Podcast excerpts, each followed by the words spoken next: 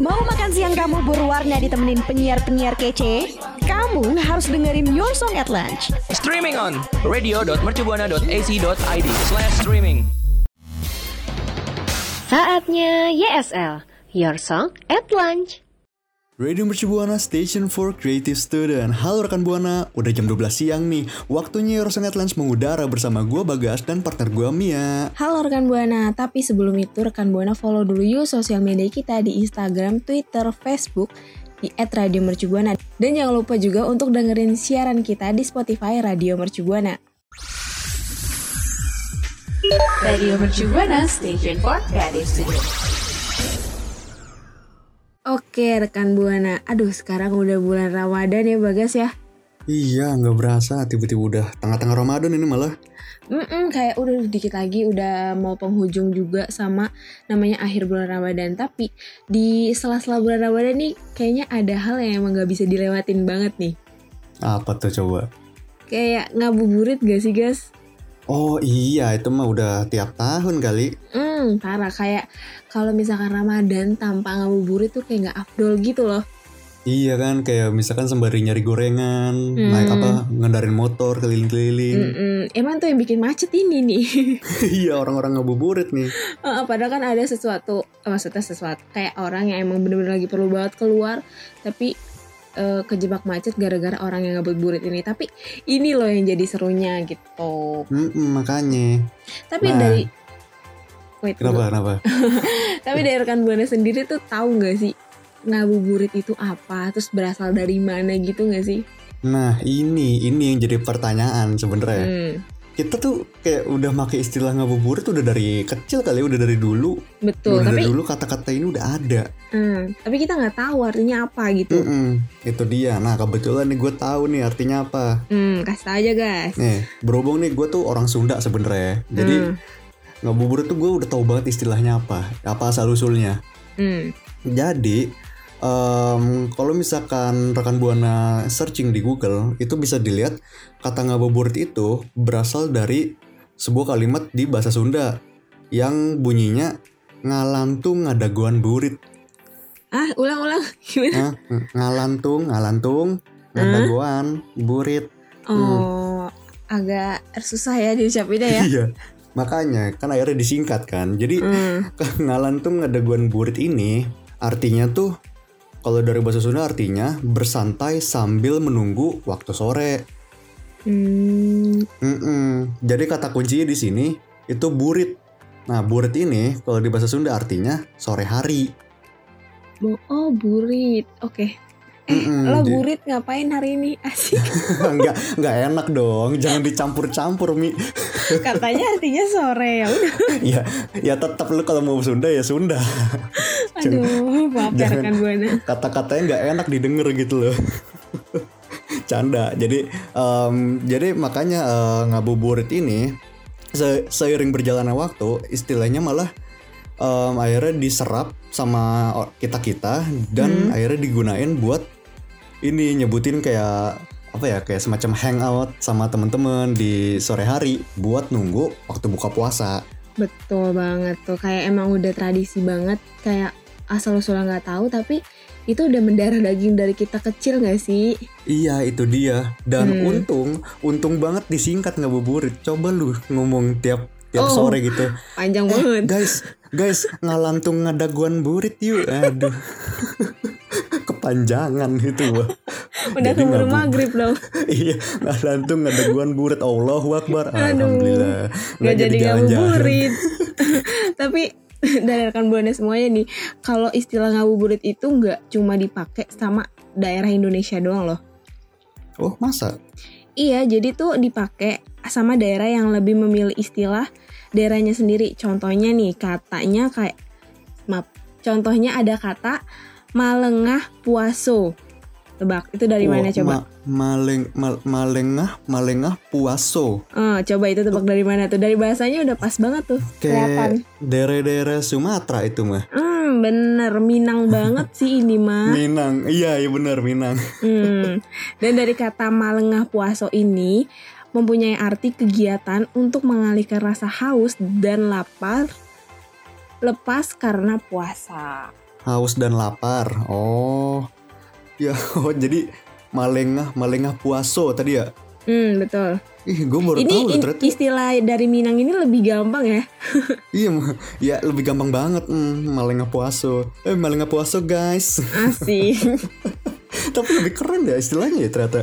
iya, tapi tetap aja sih ngabuburit tetap nomor Iya. satu. Ya ngabuburit kan soalnya gampang ngomongnya. Iya sih. Nah, gue gue juga, gue juga baru tahu ternyata istilah ngabuburit nggak cuman ini ya apa? Maksudnya nggak semua daerah make ya.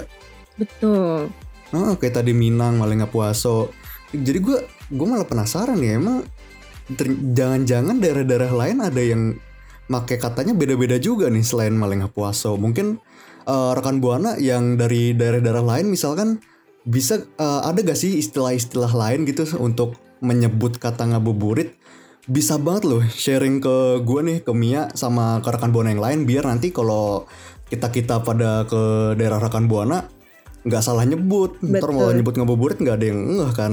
Hmm. Mm, bisa banget nih mention di twitter kita di @radiomercubuana jangan lupa pakai hashtagnya YSL Radio Mercubuana Station for Creative Studio. rekan buana masih sama gue sama Mia nih. Jadi tadi udah ngomongin soal asal usul dari kata Betul. ngabuburit nah baru tahu kan rekan buana kalau ngabuburit tuh art- apa kepanjangannya ngalantung ngadaguan burit Banyak banget pasti dari rekan buana yang nggak Mm-mm. tahu nih. Iya itu dia makanya. Nah ngomong-ngomong soal ngabuburit nih, eh gue tuh pengen apa ya? Gue tuh kayak mikir-mikir ngabuburit makin ke sini tuh eh sama aja gak sih? Kayak nyari-nyari gorengan doang, terus habis itu keliling-keliling Hmm. naik motor, Mm-mm, sama temen-temen atau bersepeda Oh, iya mungkin. sih, kayak emang udah tradisi kita. Terus juga ngabuburit kan waktunya nggak lama gitu ya rekan buana ya. Jadi ya mungkin emang nggak bisa lepas dari cari makanan buat buka nanti sih. Mm-mm. Iya itu dia. Nah tapi tapi gini, eh, kalau misalkan nginget-nginget ngabuburit yang dulu, kalau sekarang kan gue udah jarang ngabuburit. Tapi kalau dulu, gue tuh udah termasuk kayak 30 hari gue puasa itu 30 harinya gue ngabuburit terus. Serius? Serius gue pas gue ngabuburit terus pasti nih kalau udah jam 4 gue keluar keluar rumah. Kalau Ya gini gini, iseng-iseng paling. lu anak perempuan, lu tuh beban tau nggak? Jam-jam segitu tuh jam-jam membantu ibu, cuy. Iya lu ya. keluar seenak jidat aja, aduh. Ya kan gue dulu masih bocah mana, mana Iya, paham kan gue. gue bilangnya juga kalau Udah misalnya lu anak perawan, anak perempuan, lalu kan laki-laki. Iya sih, gue gue malah nyusahin Iya, rumah ya. Jadi, eh tapi gue ngebantu juga. Gue di luar ngebuburit sambil Oh, cari-cari iya, makanan. Tapi lama banget. Hmm. Iya, cari makanan 10 menit sebelum buka baru Hmm, iya. nyampe rumah. Jadi gue tuh kalau ngabuburit tuh emang gue demen kayak nyari-nyari gorengan, kayak beli Hmm. pastel atau beli bakwan, lontong. Cuman gini, problemnya kalau gue ngabuburit itu beli-beli makanan pasti gue nggak ngira-ngira nama iya namanya juga apa ya istilahnya lapar mata Oh. lah jadi kayak jadi kayak gue beli beli wah enak nih kayak ini beli es pisang Oh. hijau beli otak-otak es kelapa nyampe rumah kagak ada yang dimakan. Yang dimakan paling cuma bawang boros. doang. Yang gak begini nih, boros nih rekan buana nih. iya itu dia. Makanya jadi gue tuh kalau ngabuburit suka nggak tahu waktu. Intinya gue tahu waktu nggak tahu diri. Tapi tapi emang bener sih. Kayak misalkan eh, kita lihat di jalan eh itu rame deh. Kayaknya eh pasti enak deh gitu kan. Atau mungkin eh itu kok kayaknya Iya. nyegerin banget ya beli. Ah cobain gitu kan. Iya makanya jadi jadi akhirnya apa yang kita beli malah yang dimakan cuman ya nggak nyampe sebagian kali cuman sepertiganya Hmm, doang betul. tapi gini nih gue punya Mm-mm. tips eh bukan tips sih lebih ke info kalau misalkan lu bingung nih ngabuburitnya tuh kayak gimana ada tiga tradisi unik ngabuburit di Indonesia nih guys ada ada ada tradisi dong unik di nih Indonesia lagi buset udah pasti tradisional ini mah Nggak juga sih. Maksudnya biar Oh, lu nggak iya, bosan aja gitu lu cuma jalan-jalan naik motor ngabisin bensin. iya sih iya sih biar variasi Bener. juga coba Coba Mi gue Jadi yang apa, pertama ini ada di. Kumbohan. Ini tuh adalah tradisi unik. Namanya tuh kayak berburu ikan mabuk di Lamongan gitu loh rekan Buana. Oh, oke. J- Oh, gue gue pernah Hmm, denger nih kayaknya. Iya. Mungkin ada beberapa yang udah pernah denger ya. Jadi nih kalau misalkan sore Heeh. Eh, di waktu di mana air di Bengawan Solo ini surut. Jadi di waktu sore hari di mana air di Bengawan Solo itu lagi surut-surutnya nih sampai eh, waktu yang pas untuk menang- menangkap ikan lah ibaratnya. Tahu kan ya kalau misalnya nangkap ikan tuh pasti nunggu Oke. surut dulu. Iya. Nah, Ah, pas ah, di iya, iya, momen benar-benar. Ramadan itulah yang pas. Jadi kita ngabuburit sekalian ngambil ikan mabuk. Namanya itu ikan mabuk. Kenapa gitu? Oh, oh ikan mabuk. Sebenarnya gue, iya sih gue gue pernah denger gitu. Em, ada eh, salah satu teman gue Hmm. pernah cerita. Jadi emang eh, kenapa ikannya mabuk? Karena airnya tuh ini apa? Airnya tuh keruh kalau misalkan lagi oh, surut. gitu. Airnya, iya bener airnya keruh banget. Jadi ikan-ikannya tuh nggak bisa berenang kayak biasanya. Akhirnya mereka ini apa? eh apa namanya? sih? Mabok. Iya. Pengen cari istilahnya nggak enak. tapi eh, tapi mungkin Mabok, ada nggak mabok. sih kepikiran kalau misalkan dia tuh mabuk gara-gara air laut gitu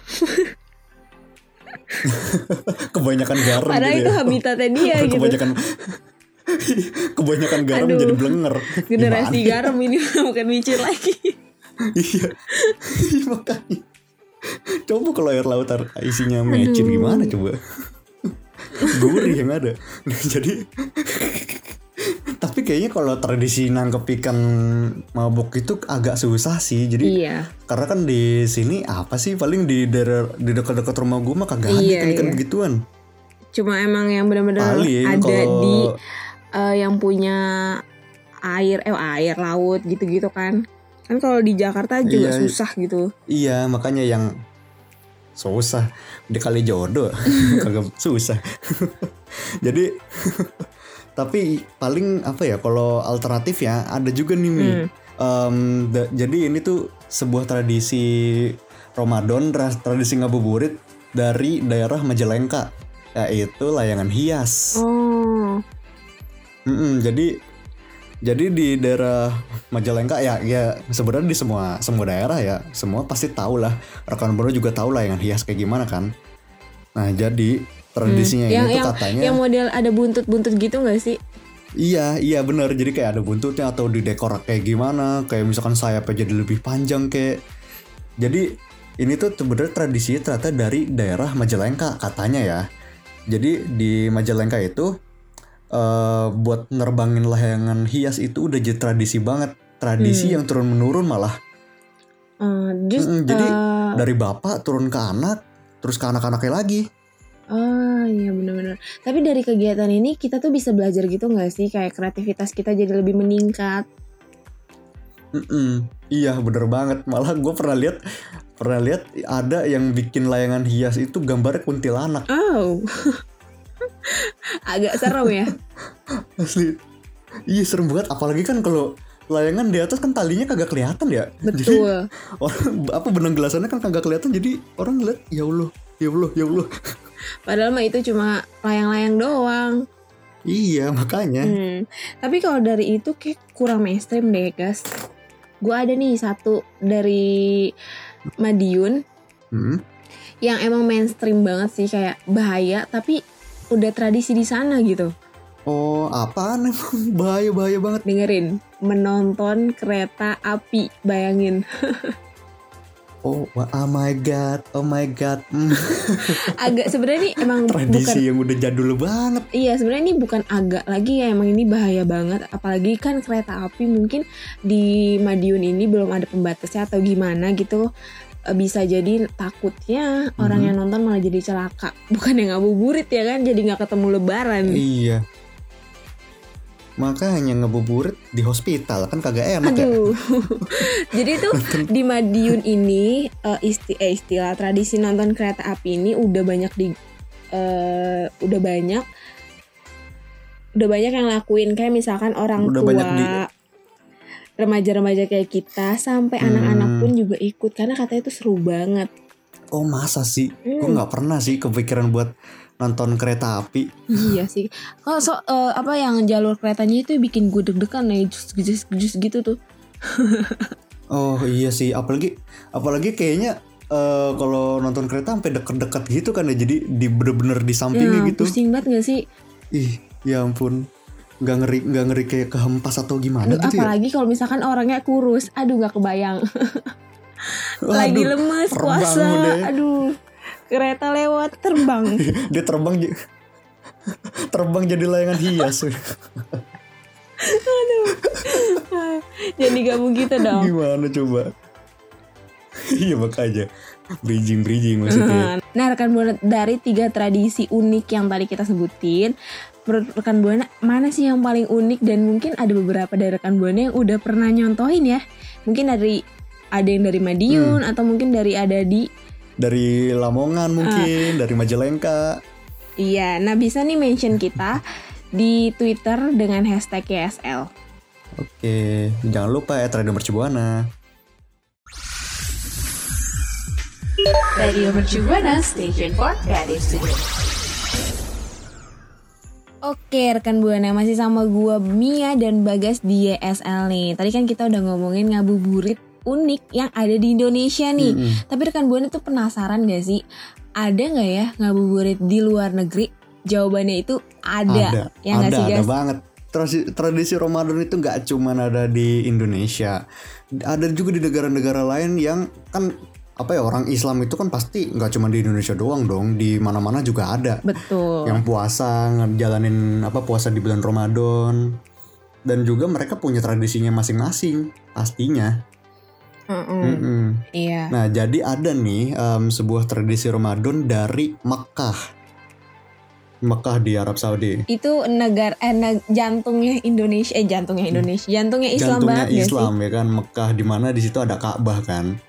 Nah jadi Hmm. em, gini deh gue mau gue bandingin deh. Jadi kalau di Indonesia itu waktu berbuka itu kan ditandai sama azan maghrib kan. Jadi kalau misalkan azan Iya. maghrib berkumandang itu kita udah waktunya buat berbuka. Tapi lain hal nih, Betul. lain hal kalau di Mekah. Kalau di Mek, nah, kalau di Mekah mereka tuh bukan apa ya, bukan nunggu azan buat berbuka, tapi buat nandain waktu berbuka puasa itu mereka pakai ledakan meriam. What? Baru, Serius? baru tahu gak lo? Jadi jadi gue juga gue juga kaget kok ternyata tradisinya di Mekah itu ledakan meriam buat buat buka puasa. Dan setelah Hmm. gue cari tahu lagi ternyata ini tradisi udah udah ada di Mekah selama lebih dari kurang lebih 50 tahun. Wow. Iya, jadi jadi filosofinya nih, filosofinya tradisi Hmm, asik ada filosofi. Nah, jadi filosofi dari tradisi ini kenapa ledakan meriam? Karena dulu tuh em, aliran listrik di Mekah itu belum merata. Di Arab Saudi itu belum merata. Jadi masih ada beberapa daerah yang masih listrik itu belum ngalir.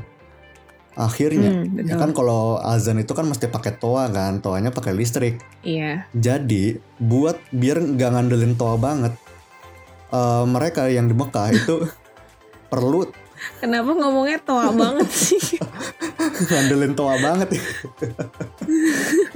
Dengernya kayak tua banget Iya. gitu Lu kayak ngatain gue gitu. Emang lu tua? Lebih tua dari gua.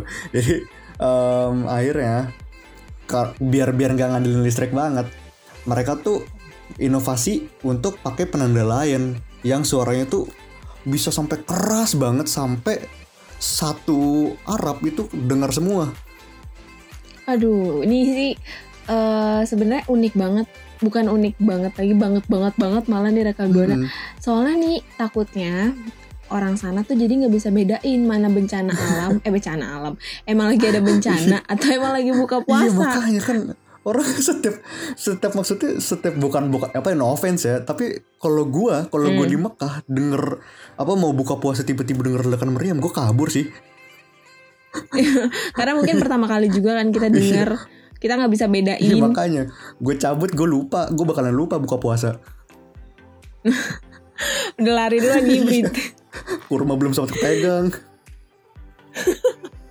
Nah iya sih cuman itu doang yang ditakutin. Takutnya ada beberapa warga atau jamaah di sana tuh masih belum bisa bedain yang mana bener-bener Iya. untuk penanda buka puasa atau mungkin bencana. Iya. Tapi dari Mekah tadi ini Hah? ada sih yang lumayan unik sama juga, tapi nggak terlalu mainstream banget kayak si Mekah Ah. tadi. Ada di Mesir nih rekan buana. Jadi eh, warga Mesir ini nih kayak masang lentera gitu loh di pekarangan rumah atau di jalan-jalan ya kayak misalnya mungkin misalnya kalau misalkan di depan rumah gitu Oh. di pojok eh, apa sih Oh, Bar? sudut sudut Iya. sudut depan rumah. Nah ya kayak gitu. Terus nanti di tradisi ini juga emang udah ada karena Eh, dulu listriknya itu belum merata kan sama kayak Arab Saudi tadi. Oke, jadi jadi em, selama bulan Ramadan mereka tuh pada apa warga-warga Mesir pada nyalain lentera ya?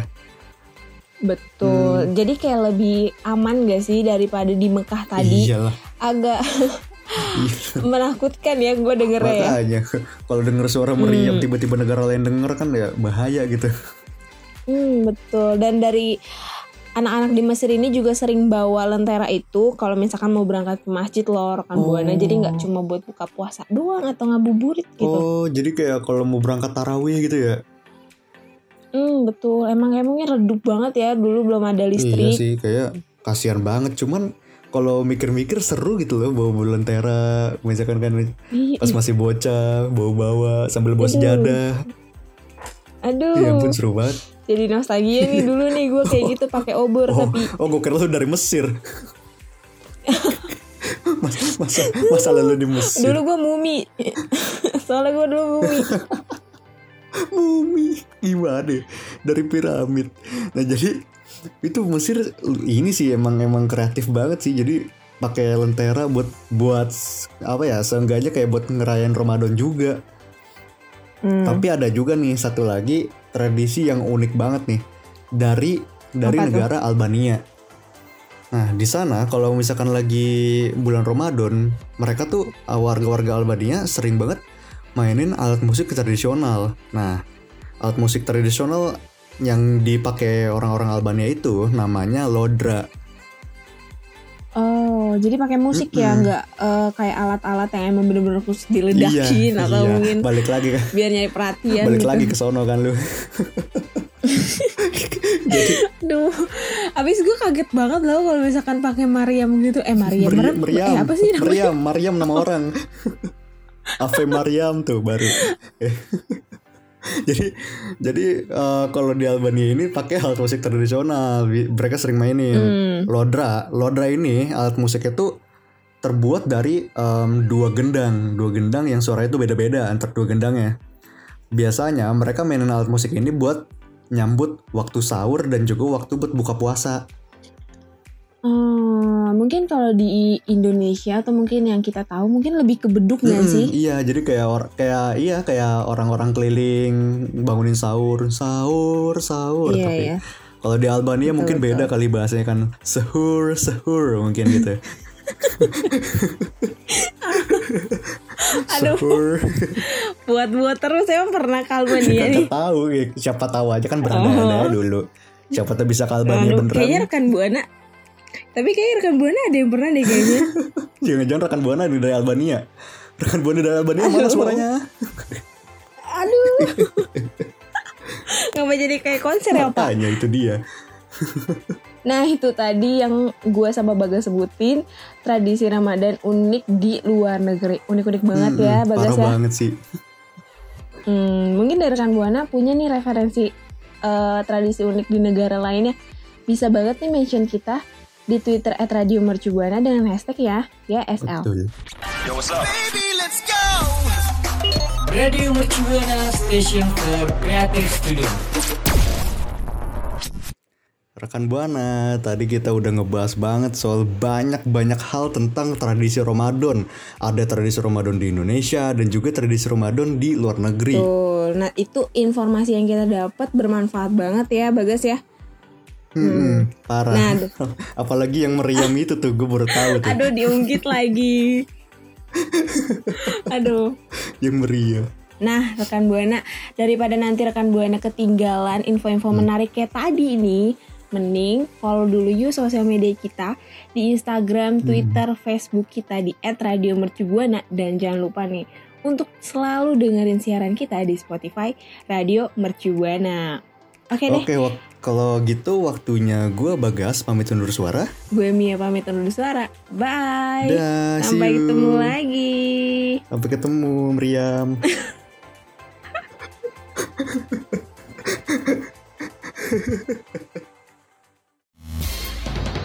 Kamu masih dengerin YSL, Your Song at Lunch. Makasih ya rekan Buana yang udah dengerin YSL. Sampai ketemu di YSL berikutnya ya.